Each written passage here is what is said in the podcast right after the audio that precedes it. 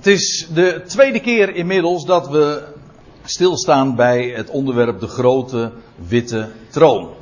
Twee weken geleden, toen hebben we ons ook al bezig gehouden met die passage in Openbaring 20, die enorm indrukwekkende passage als je aandachtig leest wat daar staat opgetekend. Dat is gigantisch. Dat blijkt sowieso al uit de wijze waarop dat dan ook geïntroduceerd wordt. Vandaar ook de grote witte troon. En het zijn maar een paar versen, maar daar staat zo enorm veel in, zodat het echt onmogelijk voor mij bleek om dat in één keer zo te behandelen. Maar ik realiseer me dat niet iedereen die er nu is, er toen ook was, zodat ik toch even een, een terugblik wil geven van wat er gezegd is. En ook een paar vragen nog op voorhand wil beantwoorden, of in ieder geval wil, voor het voetlicht wil brengen. Uh, alvorens nu weer verder te gaan met dit onderwerp. Want dat is me gebleken bij uh, de studie van de vorige keer. Dat er ook na afloop een paar vragen kwamen van ja, maar hoe zit dat dan? Wel, misschien is het goed om eventjes aan te haken bij wat de meeste mensen zullen weten over de toekomst zoals de Bijbel daarover spreekt, of zoals christenen dat verwachten. Laat ik het, laat ik het eigenlijk zo zeggen, zoals ik het nu op het laatst formuleerde. Zoals christenen dat in het algemeen verwachten. U kent ongetwijfeld, als u tenminste een, een christelijke achtergrond hebt, de zogenaamde twaalf artikelen des geloofs. Oftewel, het wordt ook wel genoemd de apostolische geloofsbeleidenis. En die geloofsbeleidenis wordt eh, in heel veel kerken, of dat nou rooms-katholiek is, of protestants, of Grieks-orthodox, wordt uh, onderschreven. En wordt in veel kerken ook uh, vaak wekelijks voorgelezen. En het zevende artikel luidt zo. Nou, ik, dit is nog het zesde artikel, maar dan gaat het over Jezus Christus, opgevaren ten hemel, en dan staat er vervolgens, van waar hij komen zal om te oordelen, dat wil zeggen vanaf de hemel dus, van waar hij komen zal om te oordelen de levenden en de doden. Dat is wat er in deze geloofsbeleidenis gezegd wordt over de toekomst. Heel sumier. En dat is ook het beeld wat traditioneel verreweg de meeste christenen hebben over de toekomst. Uh, de geschiedenis gaat voort tot op de dag van vandaag en er komt een moment dat dat ophoudt. Het einde der tijden en dat noemt men dan de wederkomst van Christus. Dat is al heel verwarrend, want in de Bijbel is de wederkomst van Christus helemaal niet het einde der tijden. Totaal niet. En dan is het idee ook, ja, bij dat einde der tijden, dan vindt er het algemene oordeel plaats. En dan is het, zoals dat dan heet, eeuwig wel, dat wil zeggen eeuwig goed, of het is eeuwig wee. Dat wil zeggen, een scheiding van gelovigen, ongelovigen, en voor de een is het altijd goed en voor de ander komt het nooit meer goed. Dat is het idee wat men heeft. De hel en hoe dat men dan, dat dan ook invult. En dat is dat, dat zwarte, want zo noem ik dat toch echt. Dat zwarte perspectief dat velen hebben over de toekomst en de christelijke verwachting. Ja, voor degene die aan de goede kant staan, oké, dat is geweldig. Maar eh, voor een heel groot deel, die niet, voor allen die niet geloven, ja, wacht dan de rampspoed. Of welke formulering men daar ook aan geeft. En dat is heel duister. Vandaar ook dat als men het heeft over oordeel, dan loopt er eigenlijk al bij het horen van het woord de rillingen over je rug. Want je weet, dat komt dan, als je aan de verkeerde kant staat, nooit, nooit meer goed. Dat is ook de inzet van heel veel, ik zeg expres zo, hè, of, met tussen aanhalingstekens, evangelisatie. Mensen worden over de streep getrokken met die dreiging ook. Weet wel, als je nu niet kiest, dan is het anders voor altijd te laat. Dan kan je daar nooit meer, komt dat nooit meer goed. Dan kun je daar nooit meer op terugkomen. Nou, dat, is, dat zijn de associaties waar in de algemene verwachting onder christenen het begrip oordeel is gelinkt. Men stelt het dan zo voor, opgevaren ten hemel, maar laat ik dan meteen zeggen, zoals ook de schrift het naar voren brengt, en we hebben het de vorige keer ook al even kort aangestipt. Goed, dit is dus de tijdsperiode waarin wij leven. Hij is opgevaren, hij zal weer terugkeren. En wat daar nog plaatsvindt, is een, het, ja, ik heb het hier genoemd het erepodium, maar dat is ook precies wat het, het woord wat de schrift daarvoor gebruikt. Alleen in de vertalingen wordt dat dan weer gegeven met de rechterstoel. Dat wil zeggen, de gelovigen die, van, die God zich vandaag verzamelt, dat is zijn werk, maar die zullen verschijnen, en dan staat er in de, in de meeste vertalingen, voor de rechterstoel van Christus. Ook weer het idee, we zullen verschijnen, ook gelovigen, voor het gericht, voor een rechter. Maar dat is niet wat de Bijbel erover zegt. De Bijbel zegt dat het een podium zal zijn. Een erepodium, waar de prijzen worden uitgereikt. Ik ga dat nu verder niet aan, uit de doeken doen, maar dat is iets anders. Bij een latere gelegenheid, maar het is allemaal de terugkeer van, de, van Christus. Hij zal verschijnen, hij zal, de, hij zal de Ecclesia tot zich nemen, maar hij zal ook vervolgens later, bij een latere gelegenheid, verschijnen aan Israël en later ook aan de volkeren. Kijk, wat men allemaal noemt het einde der tijden in werkelijkheid, hij zal terugkeren en dat zal niet het einde der tijden zijn. Integendeel, hij zal verschijnen eerst voor de gemeente, vervolgens voor Israël, vervolgens voor de volkeren. Dat is allemaal niet op één late namiddag. Daar zit een, dat is ook weer een hele periode. De parousia van Christus, zijn terugkeer, is een periode, niet een moment. Dan krijg je inderdaad een oordeel over de levenden. Kijk wat de, de geloofsbelijdenis zegt. Hij zal komen, terugkomen om te oordelen de levenden en de doden. Dat vindt u nergens zo in de schrift. Hij zal terugkeren, inderdaad. Er zal een gericht plaatsvinden. Dat klopt ook. Maar dat alsof dat een moment zal zijn waarbij hij de levenden en de doden tegelijkertijd een algemeen oordeel zou, uh, dat dat dan zou plaatsvinden. Nee, hij zal terugkeren en er zal een oordeel plaatsvinden over de levende volkeren. Dat vind je in Matthäus 25 bijvoorbeeld. Dat, over die scheiding van de schapen en de bokken. Dat, is, dat gaat dan over de dan, op dat moment, levende volkeren. De doden niet. Dat is dus zijn terugkeer. Vervolgens zal daar een periode aanbreken van duizend jaren. Ook dat wordt in openbaring 20 beschreven. We hebben het daar kort de vorige keer ook over gehad. Hier zal ook een opstanding plaatsvinden, een eerste opstanding, een opstanding uit de doden. U ziet wel, dat is veel uitgebreider dan wat er algemeen gedacht wordt. Het voordeel van die eerste visie is, of die klassieke visie, hij is wel erg simpel. Je hoeft er niet veel voor te onthouden. Maar de schrift is juist zo gedetailleerd daarover. En wat er allemaal zal gaan gebeuren. Dat wat dan zijn beslag zal gaan krijgen. Christus zal terugkeren, ja, met het oog op, ja, dat hangt er vanaf. Voor de Ecclesia die hij zich nu vormt. Met het oog op Israël, de volkerenwereld. En in die duizend jaren, dat zal een geweldige periode zijn van, van vrede en van gerechtigheid, want de volkeren zullen niet langer verleid worden. Christus zal gedurende die duizend jaren heersen. En dan is daar sprake van die grote witte troon. Maar, en dat zal een oordeel zijn over, een geoordeel, dat wil zeggen een gericht, een rechtzetting over de doden. Dus wat men zegt van hij zal terugkeren om te oordelen de levenden en de doden. Ja, echt niet. Zo zegt de schrift niet. Hij zal terugkeren om te oordelen, te richten de levenden. En bij een veel later tijdstip, daar zit een, minstens een millennium tussen, duizend jaren. Dan zal het gericht plaatsvinden over de doden, de overige doden. Dat wil zeggen degenen die dan nog niet opgestaan zijn. Met andere woorden, dat is, daar zit veel meer aan vast. En feitelijk is dit het einde van deze wereld, van deze schepping. Hemel en aarde zullen bij deze gelegenheid inderdaad ook verdwijnen. Niet hier. Dus het is belangrijk in ieder geval dit te onderscheiden.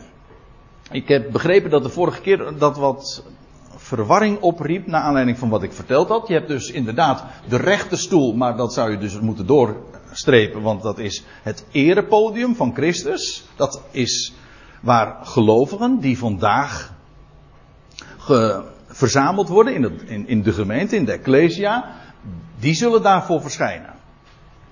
Dat is geen rechterstoel, nee, dat is een erepodium. Dat zal zijn aan het begin van de parousia van Christus. Daar heb je vervolgens het gericht over de levende volkeren. Dat is die scheiding van schapen en bokken, Matthäus 25. Ook bij de parousia van Christus. En vervolgens heb je de grote witte troon. Dat is aan het einde van de duizend jaren. Dan zullen, dan, uh, dan zullen de overige doden opstaan en inderdaad gericht worden. Dat wordt beschreven onder andere in openbaring 20. Maar we hebben de vorige keer ook gezien dat heel veel passages in de Bijbel we hebben gezien dat in Job, in de Psalmen, in het boek Prediker, in het Nieuwe Testament, zowel de Heer Jezus in de Evangelie als ook de, de apostelen, Paulus spreekt daarover. Dit gericht is buitengewoon belangrijk. God gaat middels zijn zoon alles rechtzetten. De grote witte troon. Dit is dus inderdaad de opstanding der doden. Alle doden die er dan nog zijn, want inmiddels voor de duizend jaren waren er ook al doden opgestaan. Dat was een opstanding uit de doden. Hier vindt een opstanding van de doden plaats. Dat wil zeggen alle resterende doden. Ja, nou, dat wilde ik in ieder geval even gezegd hebben. Maar dat is nog niet eens zozeer een terugblik. Nou ja, we hebben het in ieder geval dat kort aangestipt. Vervolgens, wat ik de vorige keer vooral benadrukt heb, is het feit dat we hier te maken hebben, en dan heb ik het over die passage die we straks nog zullen lezen, dat het een grote witte troon is. Wit is de kleur van zuiverheid, van reinheid, maar ook van licht. Wit is eigenlijk geen kleur, maar het is een combinatie van kleuren. Een samenstel van kleuren, namelijk van de regenboog. Eigenlijk is het dus een heel veelbelovende kleur. Dit is geen zwarte troon. Waarbij het voor het merendeel of voor een groot deel. Of voor een, even voor mijn part, een deel van degenen die daar zijn. Het nooit meer goed komt. Dat zou een zwarte troon zijn. Nee, het is een witte troon. Degene die daarop zit voor wiens aangezicht hemel en aarde vluchten, zo wordt het beschreven. Ontzagwekkend, de doden worden daar opgewekt. Alles wordt daar rechtgezet. Ja, maar het heeft allemaal een positief doel. Gericht in de Bijbel is niet negatief. Het is niet het betaald zetten en dan is het over en uit. Nee, in tegendeel, het is juist de dingen corrigeren. Wat eruit spreekt is een God die houdt van zijn schepselen en die weer opzoekt dat wat verloren was gegaan en die ook weer rechtzet wat krom was.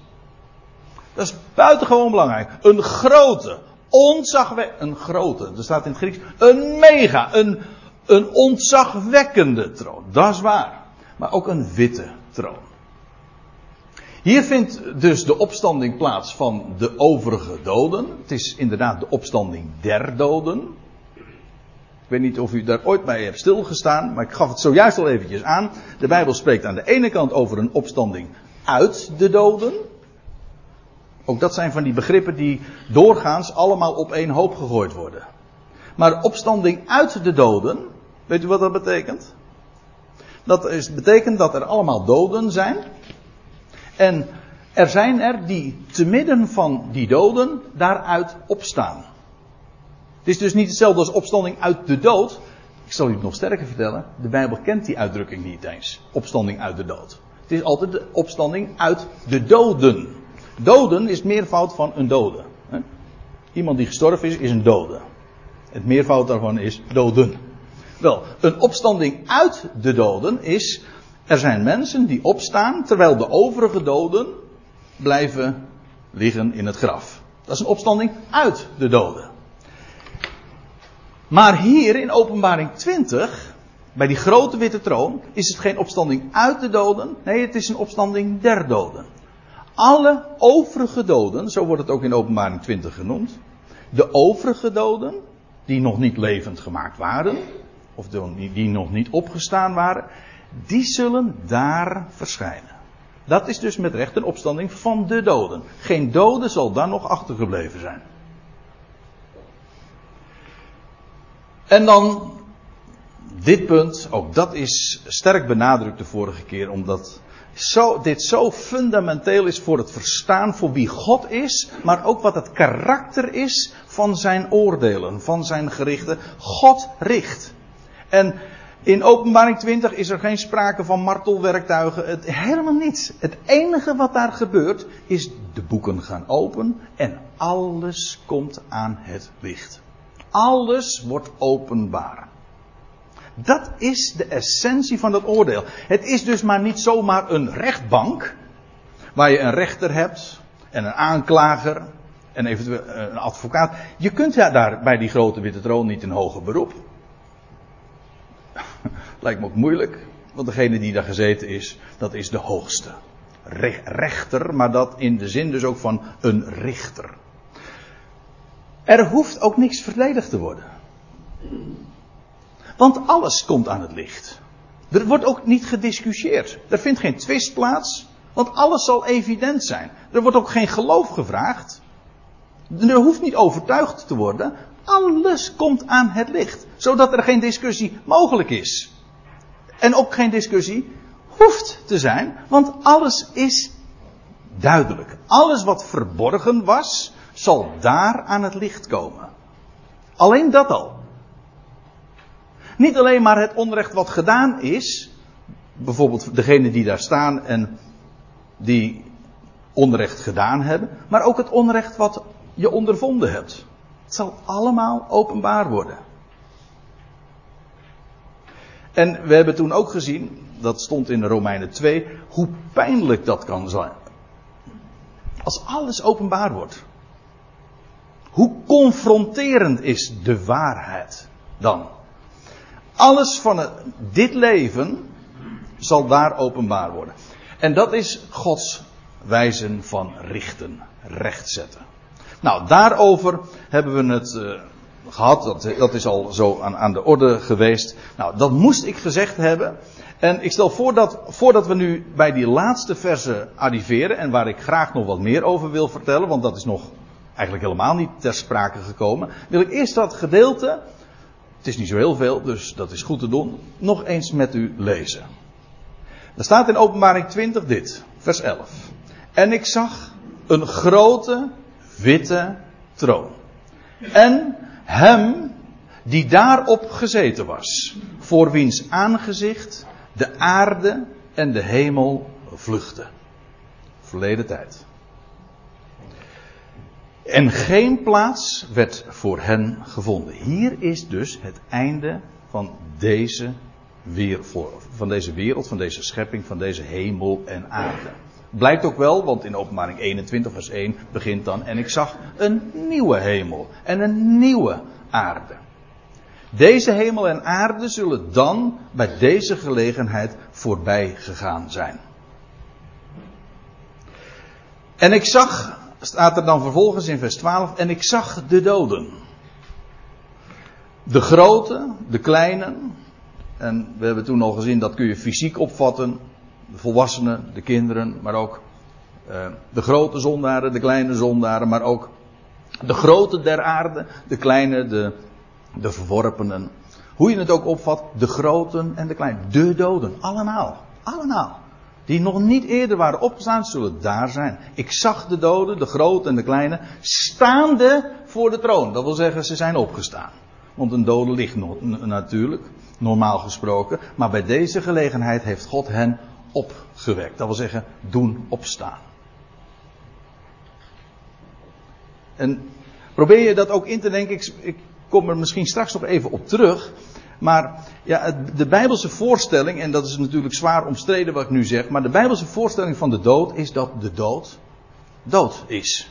Je hebt, men, je aan de ene kant de levenden, en dan ga je dood, en dan ben je dood. Dus niet, je gaat dood en dan leef je voort. Nee, Als je dood bent, ben je dood. Om maar wat te noemen. Kain, in een grijs verleden, duizenden jaren geleden. Die vermoorde zijn, zijn broer. Uh, u weet wel, die Kain bedoel ik. Maar het is al zo lang geleden. Die heeft ooit zijn ogen gesloten, is gestorven. Het eerstvolgende moment, er even van uitgaande dat hij inderdaad bij deze gelegenheid daar zal staan, daar ga ik vanuit.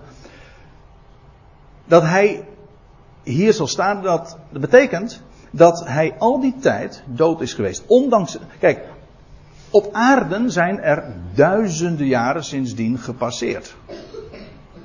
Maar daar is hij zich niet van bewust. Hij, hij, is, hij heeft hier op aarde een x aantal jaren geleefd, is vervolgens gestorven en sindsdien dood. Dat wil zeggen, weet van niks. In, de in het boek Prediker zegt, de doden weten niks. Er is geen kennis, geen waarneming in het dodenrijk. Dat al die duizend jaren die hier op aarde gepasseerd zijn, is dus blanco. Het eerstvolgende bewuste moment voor hem zal zijn daar bij die grote witte troon. Voor ons besef zit daar een hele periode tussen. Voor zijn besef niet.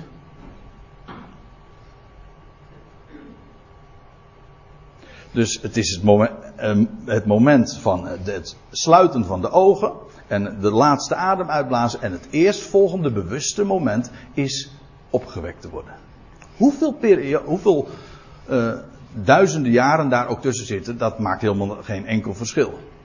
Dat is geweldig zoals God daarin ook werkzaam is met, en zoals de dood daarin een functie vervult. Het is heel belangrijk om dat ook goed te beseffen. Dus hij heeft zijn leven gehad en het eerstvolgende bewuste moment is dit gericht. Alles gaat rechtgezet worden.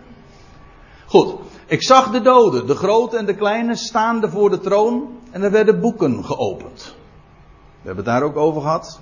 Welke boeken dat zijn. De boeken worden ze later genoemd. Dat kan niet anders dan de schriften zijn. Gods woord, ook al hemel en aarde zullen verdwijnen, maar mijn woord zal niet verdwijnen. En nog een ander boek werd geopend, daar gaan we het nu over hebben of straks. En nog een ander boek werd geopend, het boek van het leven. En de doden werden geoordeeld vanuit hetgeen in de boeken geschreven staan. Dat wil zeggen, dat is het criterium. En dan staat er nog bij, naar hun werken. Naar alles wat gepraktiseerd is. Alles wat gedaan is, dat zal daar in het gericht komen. En wat ik wil doen vanmorgen, en dat heb ik de vorige keer ook al gezegd, maar ik vind het heel belangrijk. Ik ik, ik wil niet mijn visie hierover geven. Ik heb maar één verlangen en al het andere wat ik eraan toevoeg, moet u er gewoon weer van aftrekken. Ik wil maar één ding doen en ik wil u laten zien wat er staat. Ik hoef dit niet te verdedigen, ik vertel u dat wat er staat geschreven. Dat is het enige ook wat van belang is. André Piets visie of wiens visie daarop is volstrekt irrelevant. God heeft gesproken, dit staat geschreven. Ik, we nemen het zoals het er staat. Slotverrekening, God heeft het niet voor niks zo neergelegd. En mocht het anders zijn, mocht hij met iets een bedoeling hebben, dat wil zeggen, zeggen dit betekent dat, dan nemen we dat ook aan. Ja, ik bedoel, de schrift legt zichzelf daarin ook uit.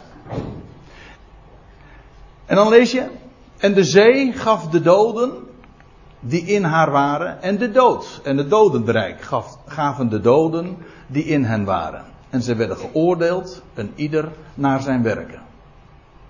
Over het onderscheid tussen die beiden, daar hebben we het ook over gehad. Ik heb het kort aangestipt. Van de week heb ik een blogje daar nog over geschreven. Over die doden die de zee gaf. Een heel boeiend gegeven.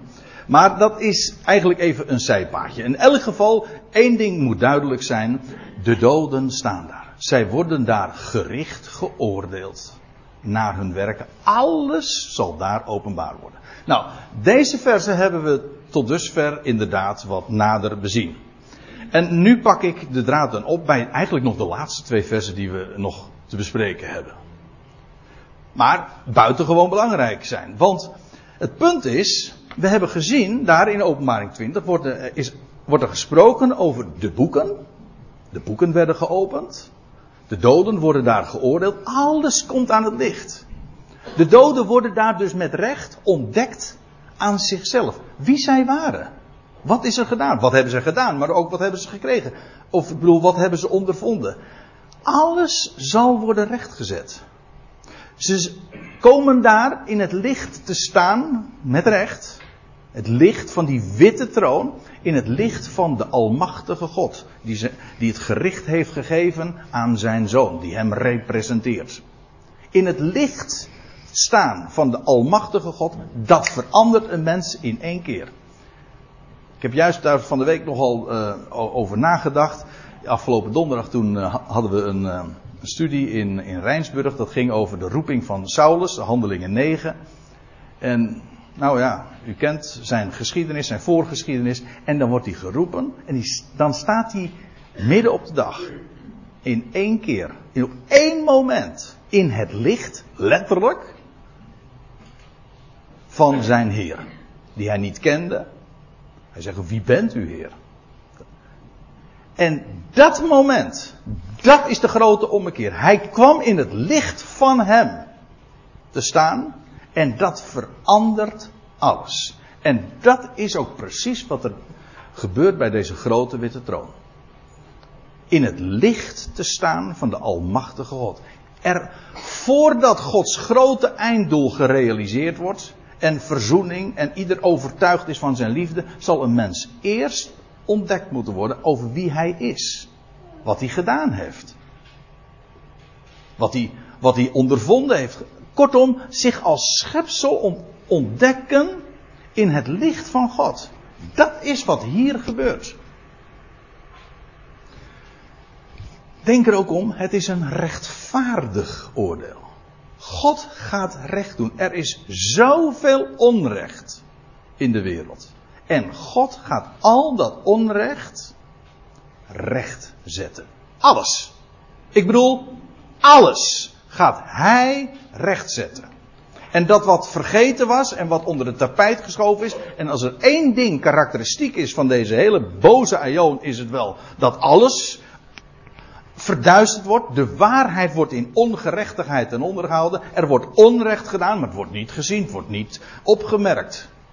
De media geven daar geen aandacht aan, integendeel. Kijk, er is zoveel onrecht. En dat zal dan aan het licht komen. God gaat recht zetten. De slachtoffer zal recht gedaan worden. De daders zullen ook ontdekken wat zij gedaan hebben. Alles. Alles wordt openbaar. Dat is geweldig. We hebben een God, mensen, die rechtvaardig is. En ik weet, dat is allemaal ook in de, ook en juist in de christelijke traditie zo scheef getrokken. Want ja, dan heb je de voorstelling van ja, God is liefde, maar hij is ook rechtvaardig. Weet je wel, dan, dan maakt men een, een onderscheid, of geen onderscheid, een tegenstelling tussen zijn liefde en zijn rechtvaardigheid. Dat is een vreselijk idee, weet u dat? God is liefde, maar hij is ook rechtvaardig. Wat voor, wat voor onzinnig concept schuilt daarachter? God is liefde. En omdat hij liefde is, doet hij ook recht. Zet hij ook recht. Brengt hij ook terecht. Dat is niet een tegenstelling. God is liefde en hij houdt van zijn schepselen en hij doet zijn schepselen ook recht. Hij gaat ook tonen, aantonen, bewijzen. Hij vraagt daar geen geloof meer. Ik bedoel, wij wandelen nu in geloof. En de meeste mensen zeggen, het is volstrekt absurd wat die gasten daar in de To Be Home met elkaar bespreken. Dat is wel onmogelijk. Hè? Een, een, iemand die de, de doden daar die staan daar, die worden gericht. Dat kan toch helemaal niet?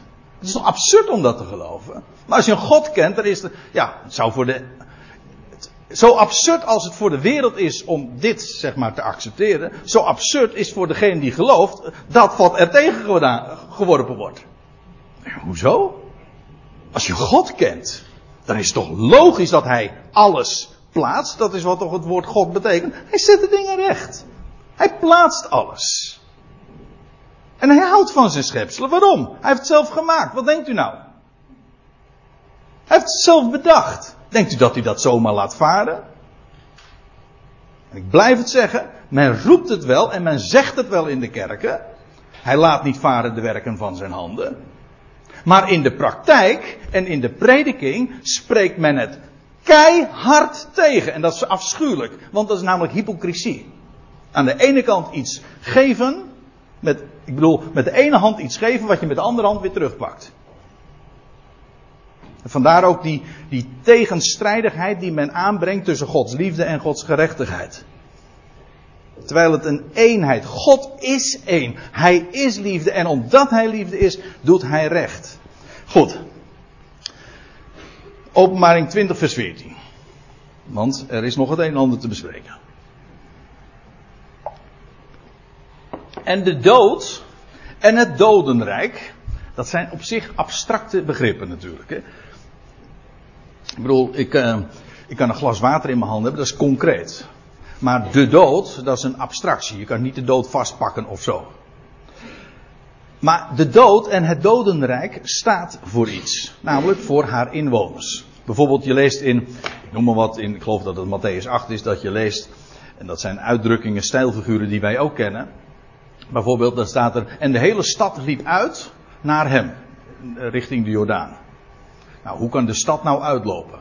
Nou, we begrijpen allemaal, dat betekent de inwoners van die stad, die liepen allemaal massaal uit. Hier is sprake van de dood en het dodenrijk. Dat wil zeggen, de doden die in hen waren. In hen waren, want alle doden staan hier inmiddels. Maar let op wat er met die dood gebeurt. De dood en de Hades, het woord dodenrijk is eigenlijk de Hades. Het, in het Grieks betekent dat woord Hades het ongeziene dat wat zich aan de waarneming onttrekt. En de dood en de Hades werden geworpen in het meer van het vuur. Ja, en dat is een begrip dat nu hier gebruikt wordt.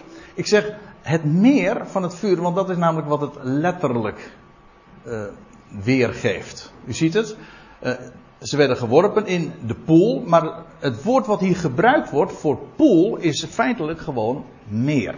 Bijvoorbeeld als in de Evangelie sprake is van het meer van Genezeret, staat hier exact hetzelfde Griekse woord. Dit is een meer. Het is gewoon concreet een meer. Nou, ik zeg een meer. Nee, er staat hier het meer. Dus er is een meer, een pool, een water, een, dus een meer is gewoon een waterbassin, een groot waterbassin zeg maar, zoals het meer van Genezeret. En eh, dat meer, dat wordt genoemd het meer van vuur. Of nou, eigenlijk ook met een bepaald lidwoord. We zijn heel precies het meer van het vuur. Welk vuur? Nou, ik zal u dit vertellen. De Bijbel kent zo'n meer. Dat geassocieerd wordt met vuur.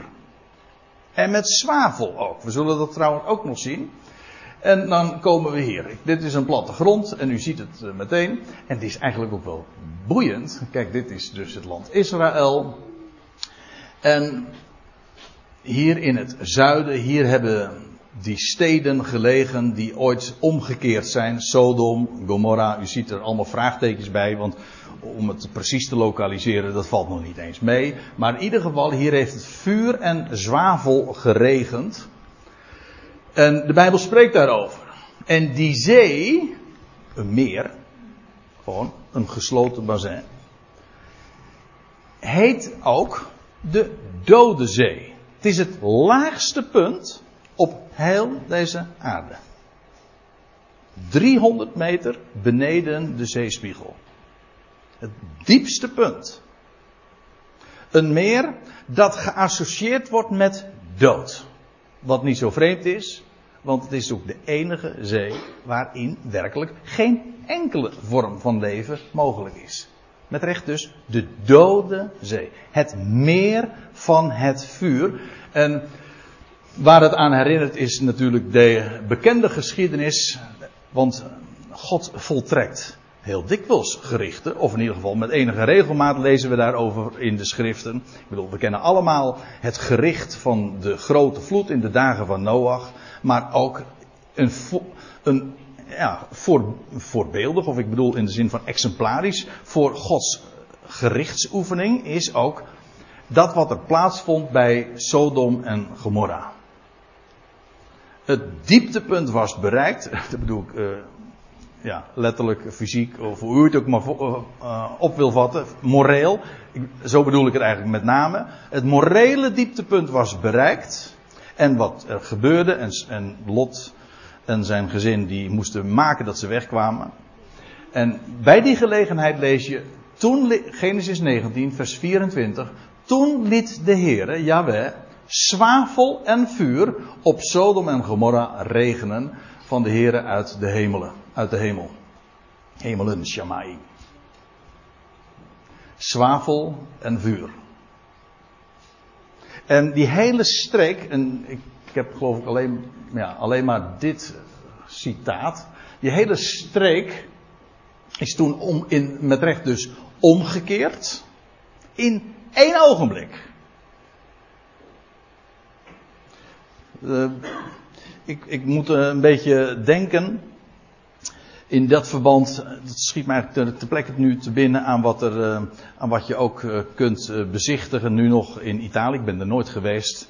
Maar toen bij die vulkaanuitbarsting van, nou wat was het nou? Popopee natuurlijk, ja.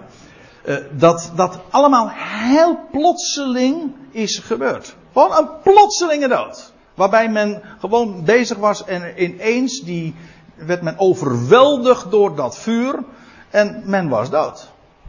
Een vuurdood dus, maar men was gewoon bezig met het alledaagse leven. En dat, uh, het je, je kunt de stad nu nog uh, bezichtigen. En je, je ziet daar allemaal voorbeelden van hoe men inderdaad, een man is daar bezig zijn hondje uit te laten bijvoorbeeld. En dan ineens plotseling overkomt hem dat. Nou, het regende zwavel en vuur. En denk aan de vrouw van Lot. Zij werd ook plotseling een zoutpilaar. En wat er allemaal nog aan. Uh, ja, dit plaatje moet het dan artistiek voorstellen, maar dit zijn nog de overblijfselen daarvan. Je, ziet hier eigenlijk gewoon, gewoon stadsmuren. En die zijn gewoon helemaal in zout, in zwavel, in vuur, want het is vol met zwavel. Als je hier ook een steentje uitneemt, dan, dan, dan zit daar, daar zit allemaal zwavel in. Het regende daar dus met recht zwavel. Het is gewoon helemaal in de as gelegd. In één keer. En die hele streek is toen ontstaan. Toen, want ja, dit was ooit een buitengewoon vruchtbaar gebied. Lot ging er niet voor niks naartoe. Zeer groen. En die hele streek is dood geworden. En die associëren we nu nog steeds met de dood en het dieptepunt op aarde. Letterlijk, figuurlijk, hoe je het ook maar hebben wil. Nou. En dan staat er, en de dood en het dodenrijk werden in het meer van het vuur geworpen. Dus op een of andere manier wordt dat daarmee geassocieerd. En we weten ook, moet ik er ook nog even bij zeggen. Bij deze gelegenheid was zijn hemel en aarde. Ik heb dat vers ook uh, de vorige keer voorgelezen uit 2 Petrus 3. Want daar wordt er ook naar verwezen. Hemel en aarde zullen brandende vergaan. Dat dat meer zal uh, zich enorm uitbreiden kennelijk. Dat wil zeggen eigenlijk hemel en aarde vergaan brandend. Maar het wordt nog steeds genoemd het meer van het vuur. En de dood en de dodenrijk werden daarin geworpen. Let op, de dood en het dodenrijk worden hier voortgezet. In het meer van vuur. Het is dus niet zo dat de dood en het dodenrijk hier eh, aan het einde komen. Nee, de dood en het dodenrijk worden, komen in de pool van vuur terecht. En, dan moet ik er nog even iets bij zeggen. Dat wil zeggen, allen die vanaf dat moment dood zijn, oftewel in het dodenrijk zijn, die zijn voor de tweede keer dood. En nou kom ik vervolgens op dat andere, op het laatste gedeelte, want dan staat er, dat is de tweede dood. Het meer van het vuur. En nu stellen we de vraag, wat is de tweede dood? Ik heb een boekje in de kast staan, dat is een brochure, dat al heel lang geleden geschreven, ergens halverwege de vorige eeuw. En dat heet Het probleem van de tweede dood. De vraag is, wat is de tweede dood? En ik weet waarom het een probleem is, omdat de schrijver die zet alles in het werk om dat, om dat begrip het meer van het vuur figuurlijk te nemen. Ja, als je de eigen verklaring van de schrift zelf figuurlijk gaat nemen, ja, dan kom je met een probleem. Maar dit is, kijk, als je nou vraagt, uh, hoe moet je dit verklaren? Dan stap je de verkeerde deur binnen. Dit is namelijk de verklaring. Dit is een definitie. Wat is de tweede dood? Het antwoord, het meer van het vuur. En neem het gewoon letterlijk. En ik zou niet weten waarom niet. Want zij worden geworpen in het meer, of de dood en het doodrijk, alles wat dat in, zich heeft. Zij worden geworpen in het meer van het vuur. Nou, wat gebeurt er nou met een dode? Of die degene die daar staan. Als zij in dat meer geworpen worden. Dan is dat een tweede dood. Zij waren ooit dood. Zij zijn bij gelegenheid opgestaan. Alles is aan het licht gekomen. En zij worden, degenen die in die dood en de dodenrijk zijn, worden daarin geworpen. En dat is het sterven van een tweede dood. Een tweede keer. Wat is de tweede dood? Antwoord: het is het meer van het vuur. En dan staat er nog bij.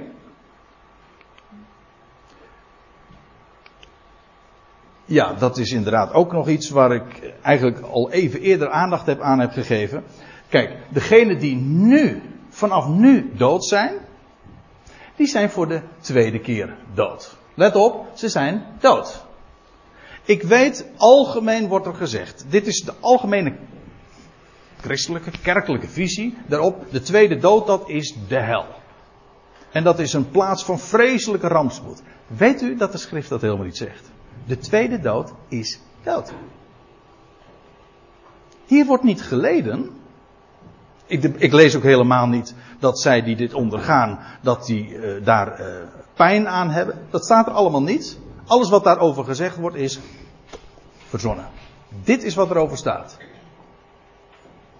Er is nog een vers, ik kom daar straks op terug. Is erg belangrijk om nog te lezen. Maar even dit. De tweede dood. Degenen die hier terechtkomen in die, dat meer vervuur, sterven een tweede keer, plotselinge vuurdood, en zij zijn vanaf nu wederom dood. Dood. Niet, geen pijniging, dood.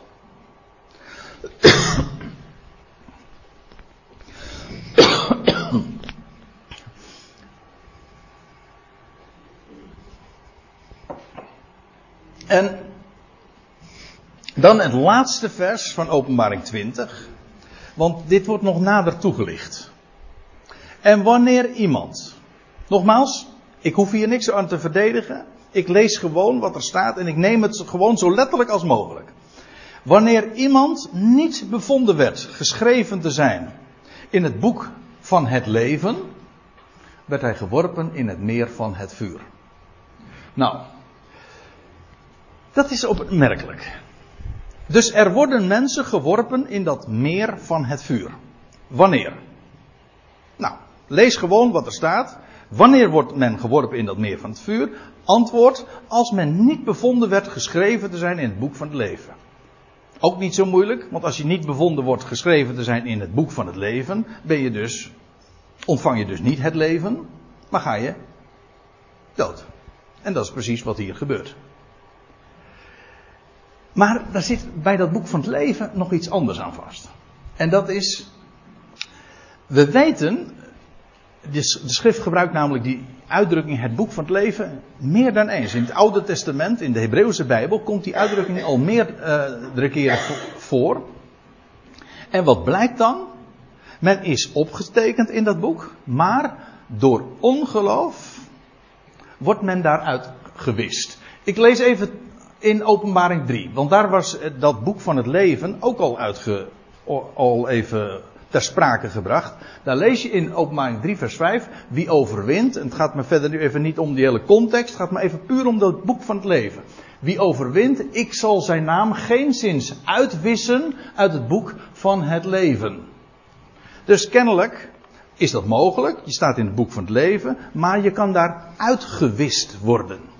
En dat is uh, wat we ook elders vinden in Psalm 69. Laat, daar lees je dat de psalmist zegt: laten zij uit het boek van het leven worden uitgedelgd. Met de rechtvaardigen niet worden opgeschreven. Met andere woorden, de rechtvaardige. En wat is voor God een rechtvaardige? Dat is degene die gelooft. Die blijven in dat boek achter.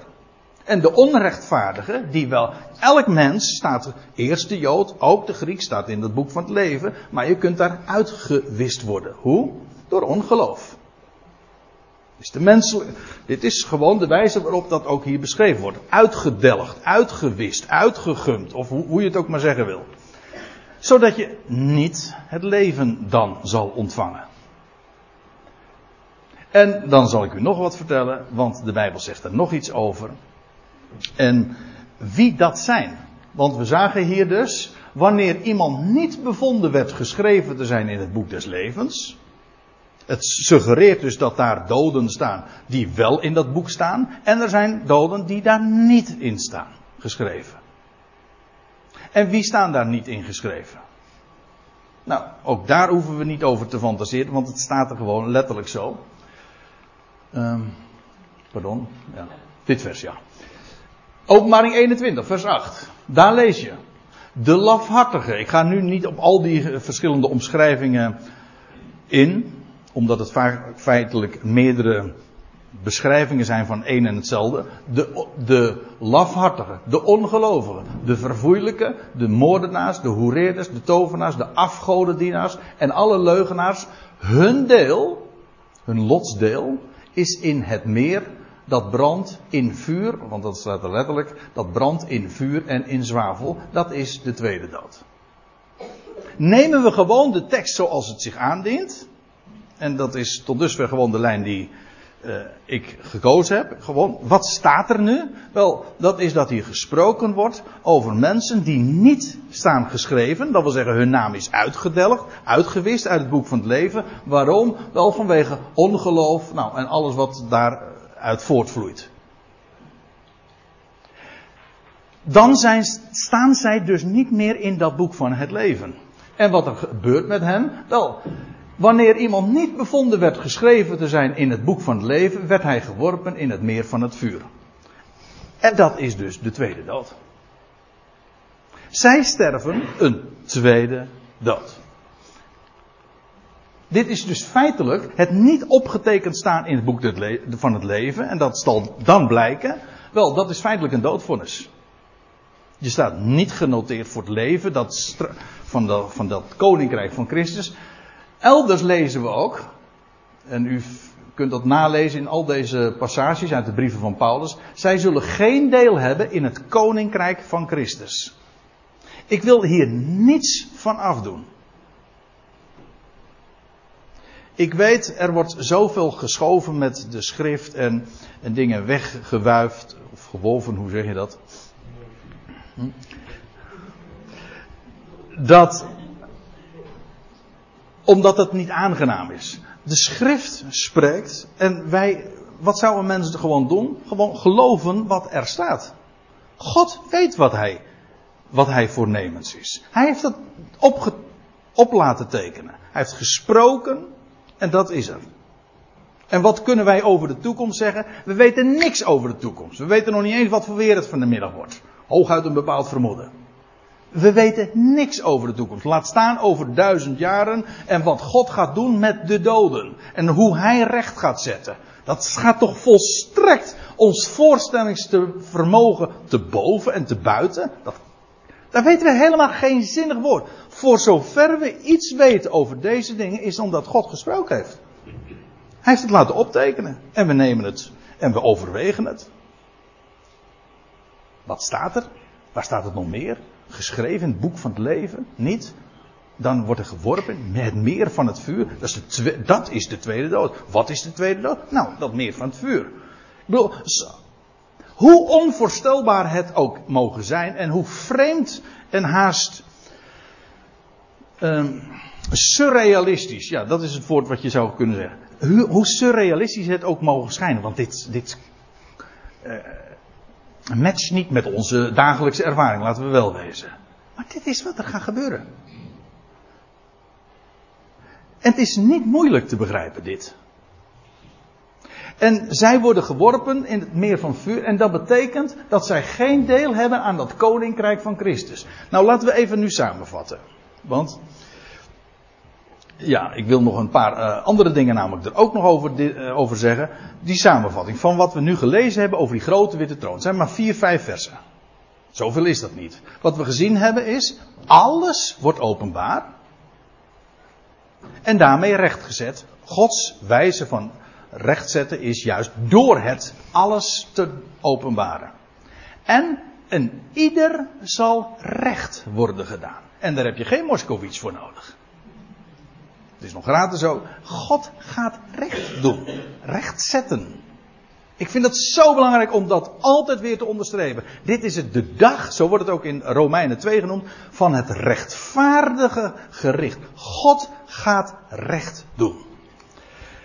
En wat we ook gezien hebben, want dit heeft vooral te maken met het oordeel over de werken, maar ook een ander boek wordt geopend. Enerzijds is er sprake van het openen van de boeken, de geschriften, bij het licht waarvan dat gericht plaatsvindt, maar er wordt ook nog een ander boek geopend en het niet opgetekend staan in dat boek betekent inderdaad geworpen worden in, dat meer, in het meer van het vuur. Dat is de tweede dood. Zo staat het er. En nou is de vraag deze. Is dit het einde? Dat is wat algemeen gezegd wordt. Afgezien van het feit dat men dan zegt, ja die tweede dood, dat is geen echte dood. Dat is eigenlijk, men leeft daarin voort. Op een afschuwelijke manier. Zegt de schrift niet. De schrift zegt, de doden worden opgewekt, alles zal worden rechtgezet. De doden zullen ook gewoon erkennen. Niet anders dan kunnen erkennen alles wat daar openbaar wordt. God zet dus alles recht, dat is één ding. Maar hij zal ook een vonnis uitspreken. Dat wil zeggen, degene die niet staan in het boek van het leven, die zullen dus niet dat leven, wat dan zal aanbreken, beërven. En degene die niet daarin staan geschreven, zullen het ook niet anders kunnen dan dat erkennen. Namelijk dat het recht is. Dat vind ik het geweldige. Er hoeft dus helemaal geen aanklacht of geen hoger beroep te zijn, want dit is evident. Alles is duidelijk. Nou zegt men, die tweede dood, dat is het laatste dan spreekt men in, de kerkelijk, in het kerkelijke jargon, dat is de eeuwige dood. En men bedoelt daarmee een eindeloze hel. A, weet men dan niet wat eeuwig is, en B, weet men niet wat dood is. Nou, dan weet je dus helemaal niks. Ja, toch? Want eeuwig heeft te maken met eeuwen. Met eeuwigheid, dat kent de Bijbel niet. En dood, het is dood. Dat betekent dus dat zij die in dat meer geworpen worden, die plotselinge dood, zoals dat ooit gebeurde met Sodom en Gomorra, zij zijn daar dus overleden. Neem het woord zoals het, inderdaad wat het ook betekent. Zij zijn over het lijden heen. Overlijden betekent over het lijden heen. Daar is het leed geleden. Het vonnis is voltrokken. Zij, gaan, zij zullen de, de komende ionen niet meemaken. Dat is waar. Maar men zegt dan van ja, de dood, deze dood, dit is de eeuwige dood. Ik zal je dit vertellen. En nou, dit is heel scherp wat ik zeg. Als je denkt dat de tweede dood, of de dood in het algemeen, de tweede dood is ook gewoon dood natuurlijk. Ja toch? De tweede dood is toch ook dood? Daarom wordt het dood genoemd. Het is een tweede dood. Het is een voort. Hier wordt de dood voortgezet. De dood en het dodenrijk worden geworpen in het meer van. Dat is de tweede dood. Allen die vanaf nu dood zijn, allen die vanaf dat moment dood zijn, zijn voor de tweede keer dood. En is dat het einde? Als je dat denkt, ken het evangelie niet. Want wat is het evangelie? Het evangelie is de boodschap dat Jezus Christus de dood heeft overwonnen, 2000 jaar geleden, en de dood teniet zal doen. Dat is de evangelie. Hij doet de dood teniet. Hoe doet hij dat?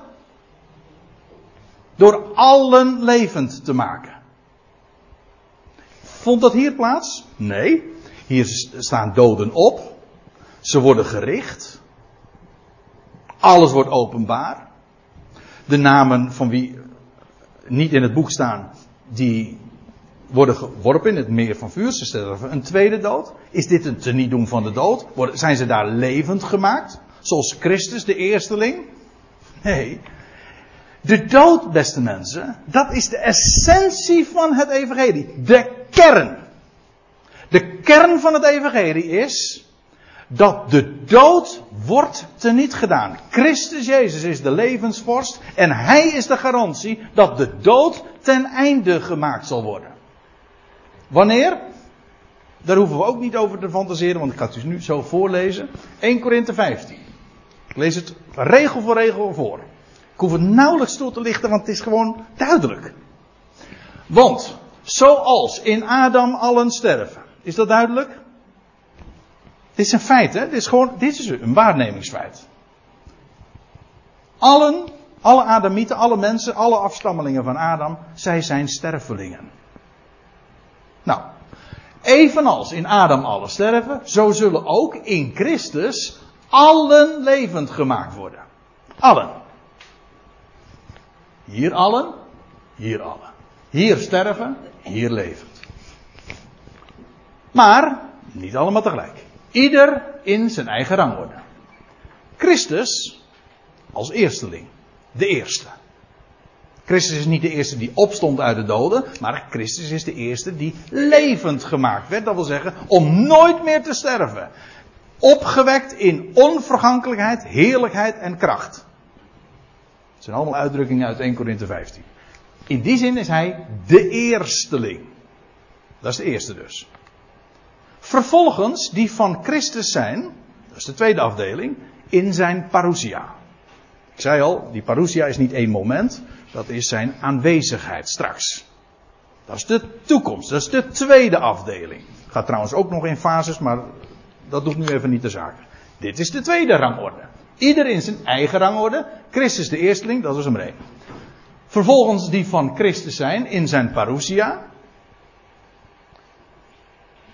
En dan ontbreekt er nog één afdeling natuurlijk. Allen zullen levend gemaakt worden. Iedereen zijn eigen rang worden. En nu is Christus opgewekt. Die van Christus zijn. En wie zijn nou nog niet opgewekt? Die niet van Christus zijn. Precies. En dan staat er daarna het einde van wat? Het einde van die levendmaking. Want dat was het onderwerp. Allen zullen levend gemaakt worden, maar ieder in zijn eigen rangorde. Christus als eersteling, vervolgens. En daarna het einde van die levendmakingen. Dat wil zeggen, de laatste levendmaking. De rest, de rest dus. En wanneer zal dat zijn? Nou, lees verder. Wanneer dat zal zijn, het einde, dat wil zeggen het einde van die levendmakingen. Wanneer hij het koninkrijk aan God de Vader overdraagt. Wanneer hij alle heerschappij, alle macht en kracht teniet gedaan zal hebben.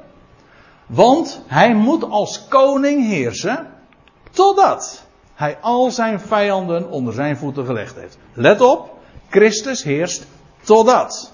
U zegt maar Christus heerst toch tot, in eeuwigheid. Nee, beste vriend of vriendin.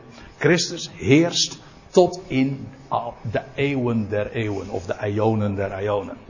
Niet altijd. Zijn heerschappij heeft een totdat. Hij moet heersen totdat al zijn vijanden onder zijn voeten gelegd, onder zijn voeten gelegd zijn. Want, staat er dan vervolgens, hij moet als koning heersen. Pardon, nou ik even. Dit is niet helemaal goed. Onder zijn voeten gelegd heeft, ja precies. De laatste vijand die teniet gedaan wordt, is de dood. Aha. Dus, Christus heerst. Totdat de laatste vijand, en wat is die laatste vijand? Dat is de dood. Maar dat hadden we ook al zelf kunnen invullen. Want wat hadden we gezien? Hij zal allen levend maken. En wanneer zal die laatste levendmaking het einde zijn? Dat zal zijn als hij het koninkrijk zal overdragen, oftewel wanneer de heerschappij voorbij is. Toch? En dat staat is precies, dat is precies wat hier ook staat. De laatste vijand die teniet gedaan wordt is de dood. En hoe doet hij de dood teniet? Ook dat zagen we al. Door allen levend te maken. Door allen levend te maken is er geen dood meer. En dan lees je even verder. En wanneer alles hem ondergeschikt is, dan zal ook de zoon zelf aan hem ondergeschikt worden die hem alles ondergeschikt heeft. Met andere woorden, Christus zal een volmaakt koninkrijk aan zijn God en Vader overdragen. Waar niets zal ontbreken. Volmaakt. Waar ook niemand zal ontbreken. Want allen zijn levend gemaakt. Er is dus geen dood meer. En als dat eenmaal het geval zal zijn, wel dan zal de zoon dat overdragen. Hij zal zich onderschikken. En dan staat erbij, opdat God zij alles in allen. Die allen die in Adam sterven, zullen in Christus worden levend gemaakt. Uiteindelijk. En wanneer vindt die levendmaking van alle plaats? Dat wil zeggen, wanneer is die dood voorbij? Dat zal pas aan het einde zijn. De laatste vijand die hij teniet doet, is de dood. En dan zal hij het koninkrijk overdragen. Dat betekent dus, let op, dat degene die daar bij die grote witte troon staan, die gericht zijn, van wie de naam staat, niet staat in het boek van het leven, die komen in de dood voor de tweede keer. Die maken dus niet dat koninkrijk van Christus mee. Christus gaat verder heersen, want je leest in openbaring 21 en 22 dat Christus daar nog steeds heerst. Daar zullen zij niet bij zijn. Zij zijn zich van niks bewust. Het gericht betekent, zij zullen daar geen deel van uitmaken. Geen pijniging, geen hel, zij zullen daar niet bij zijn. Probeert u zich voor te stellen. Ja, laat ik het nog eventjes uh, wat schematisch. Sommige mensen houden daarvan. Je hebt dus de duizend jaren, de grote witte troon. Dan krijg je openbaring 21 en 22. In die, gedurende deze aionen zal Christus heersen. En die heerschappij zal over zijn wanneer de laatste vijand, de dood, teniet gedaan zal worden. Hier, op dit moment, kijk, hier hebben nog niet al een deel aan dat leven. Degene van wie de naam niet staat in het boek des levens, zullen deze periode, die laatste aion, niet meemaken. Zij zijn dan dood. Voor de tweede keer. Alles is rechtgezet. Alles is gericht. Het vonnis hebben ze ondergaan. Wij zouden zeggen de doodstraf. En dan. Uiteindelijk zal, zullen zij worden levend gemaakt. En weet u wat er gebeurt? Want de vraag was, wat weten die doden die daar staan? Alles zal, zij zullen niet anders kunnen erkennen dan dat degene die daar zit op die troon volstrekt recht spreekt. Ze zullen het vonnis aanvaarden. En dan, wordt daar gesproken al over verzoening? Nee.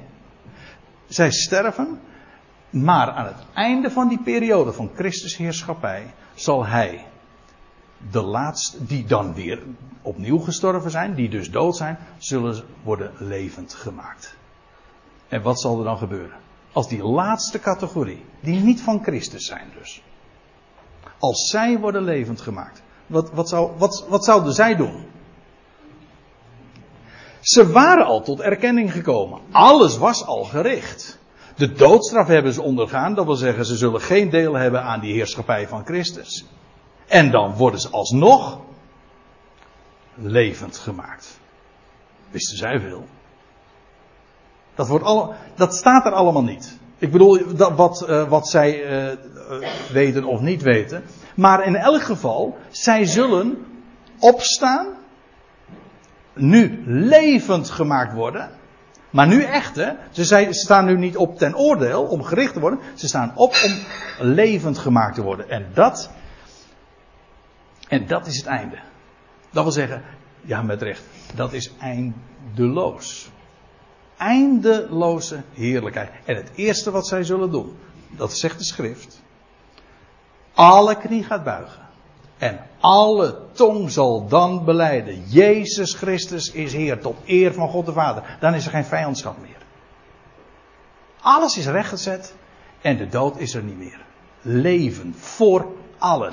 En dan kun je ook voorstellen waarom er staat dat God alles zal worden. In allen. Want dan pas heeft alles zijn beslag gekregen. Dan is Gods plan inderdaad volledig vervuld en niets ontbreekt daarin meer. Nou, dat waren zo overwegingen. Ik zie dat het inmiddels echt tijd is om, uh, om deze studie te beëindigen. Maar dat zijn zo van die overwegingen uh, die, die zich aan ons aandienen wanneer we dat lezen. En ik vind het zo geweldig dat we een God kennen die dat alles realiseert. Ik stel voor dat we een lied gaan zingen.